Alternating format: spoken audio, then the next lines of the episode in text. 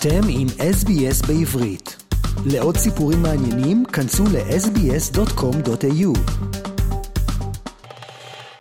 And this week we are back with our first Jewish news report. After two weeks break, I'm joined now by Gareth Narunsky, the national editor of the Australian Jewish News.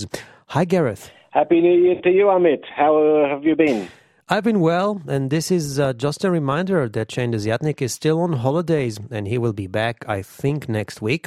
So today we are speaking to you, Gareth, and the Jewish News is back after a seasonal break, ready for a new and fresh start for 2024. That's right. Uh, yeah, over the New Year break, uh, we had a two-week uh, period of, of no paper, but we're back. Uh, the community needs us, and we're here to do uh, our jobs and make sure the community is informed and make sure the community is advocated for. Um, and that's what we're here to do. Fantastic. So let's begin with the latest headlines of this week's edition of the Australian Jewish News. Gareth, what is happening in the first edition of 2024? That's right. Well, I guess um, if uh, those of, those readers out there who have seen our cover, um, this Sunday actually marks 100 days since October 7. So it's a very solemn time to reflect, I suppose, on uh, on what has happened. Um, not just what happened on that day, which obviously we know very well, but the the three months or so since, and, and what's happened in the world. Obviously, it's been a very difficult time for our brothers and sisters in Israel, but also it's been a very difficult time for Jews around the world. Jews here in Australia, we've seen a huge spike in anti-Semitism. We've seen uh, Israel being subjected to the harshest standards that no other country is, as it does what it has to do uh, in order to restore its security. Uh, we've seen slandering of Israel. We've seen our youth on university campuses copping the brunt of this.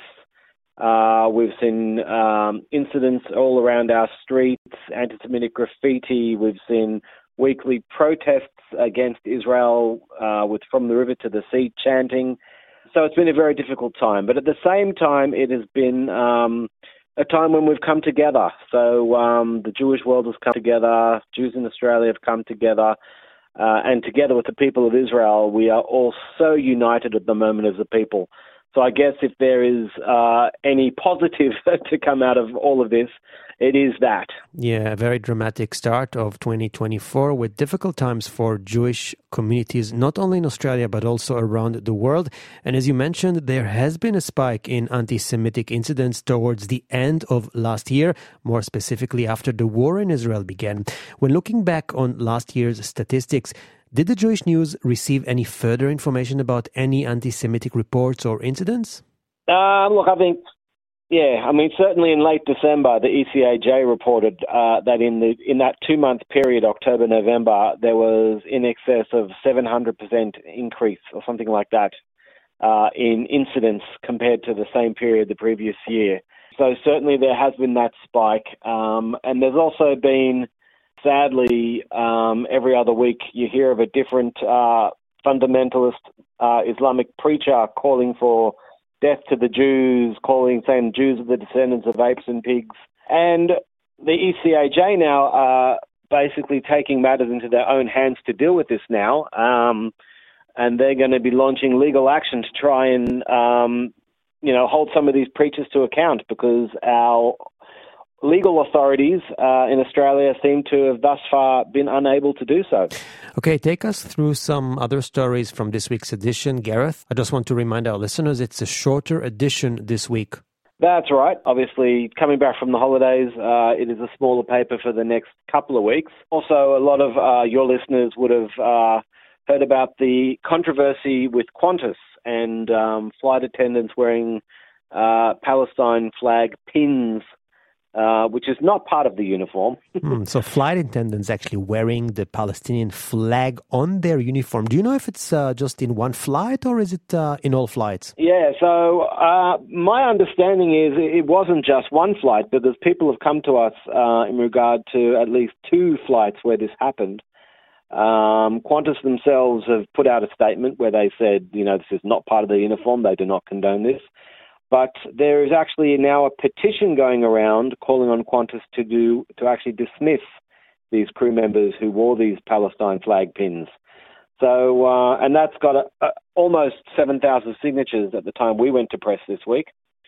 So um, that's certainly one to keep an eye on um, and see what happens with that in the weeks to come. Okay, so this petition is to dismiss only few flight attendants and not any boycott on Qantas itself. They're they're urging Qantas to dismiss the crew members um, who were who were involved. Yeah, yeah. It's rather no, it's not a call to boycott Qantas, although I'm sure there are some in the community uh, who might have second thoughts about who they want to fly next time uh, in light of this. Okay, looking on this week's edition and in other stories, there is a mention about the upcoming Mardi Gras parade and some controversy going on, and it's related to the war in Gaza.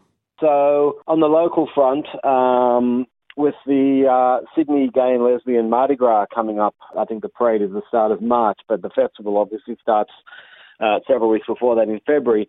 There's a lot of controversy there over the fact that the head of the Mardi Gras, the chief executive of the Mardi Gras, has written to Prime Minister Anthony Albanese basically calling for an immediate ceasefire in Gaza with no mention of the October 7 Hamas attacks. There's also going to be certain members of the Mardi Gras board uh, who are going to be uh, marching with a float that is also uh, basically accusing Israel of genocide. Uh, in light of this, uh, Dayenu, which is the Sydney uh, gay and lesbian uh, Jewish group, um, have expressed serious concerns about whether or not they'll actually take part this year in the Mardi Gras. Um, and they've been they've been backed by um, high-profile Jewish uh, same-sex couple Karen and Jackie Stricker Phelps, and also non-Jewish gay rights activist Julie McCrossin has also expressed serious concerns about this as well. So watch this space to see if there's some kind of a resolution, but certainly. Um, it's not an ideal situation that uh, a group such as Jewish LGBT people who are already, I guess, experience so much othering in, in, in society because of their sexual orientation are now being um, excluded from their own LGBT community as well. So that's that's one to watch. Uh, meanwhile, in Melbourne, um, it's been reported that there was more than one anti-Semitic related crime per day since October 7. So um, the uh, Victorian police have actually now set up what they're calling Operation Park, which is specifically to combat these kinds of hate crimes. Uh, so hopefully um, there'll be success um, in their operations, and this these horrible figures will come down. Mm. Let's finish off with a unique bike ride event that will take place both in Sydney and Melbourne. Victoria and New South Wales will host first global campaign event in support of the hostages. Tell us more. Yes, that's right. So um, both in Sydney and Melbourne, and I believe um, they are potentially the first such events in the world. Um, and it will be happening across the world. Um, that there's going to be people riding in solidarity with the hostages. Um, Australia, obviously, being in the time zone we are, uh, we are one of the first, if not the first. Um, and the great thing about this bike ride is that um, whether you're a seasoned rider or just uh, want to have a bit of fun, They've got uh, various rides happening on the day in both Sydney and Melbourne. So anyone can get involved. There'll also be picnics and activities. In Melbourne, I know there'll be some speakers um, addressing uh, the crowd, whilst in Sydney there's going to be a exhibition centred around the plight of the hostages. And as you mentioned, it's one of its kind, this type of an event, a bike ride that happens both in Sydney and Melbourne. And it's also nice to see how many initiatives are uh, happening here in Australia in support of the Israeli community in such difficult times. A hundred percent. I mean, at the end of the day, um, we're all part of a global family of Jews, um, and we feel each other's pain, and we want to help each other as much as we can. Okay, Gareth Narunsky, the national editor of the Australian Jewish News, starting this week with the first edition of the Australian Jewish News after a two weeks break. Gareth, thank you so much for joining us today, and I wish you all the best for 2024 with many more positive and good news for the Jewish community of Australia. Thank you so much, Amit. All the best to you and keep up the fantastic work uh, that you're doing at SBS as well. רוצים לשמוע עוד סיפורים? האזינו דרך האפל פודקאסט, גוגל פודקאסט, ספוטיפיי, או בכל מקום אחר בו ניתן להאזין לפודקאסטים.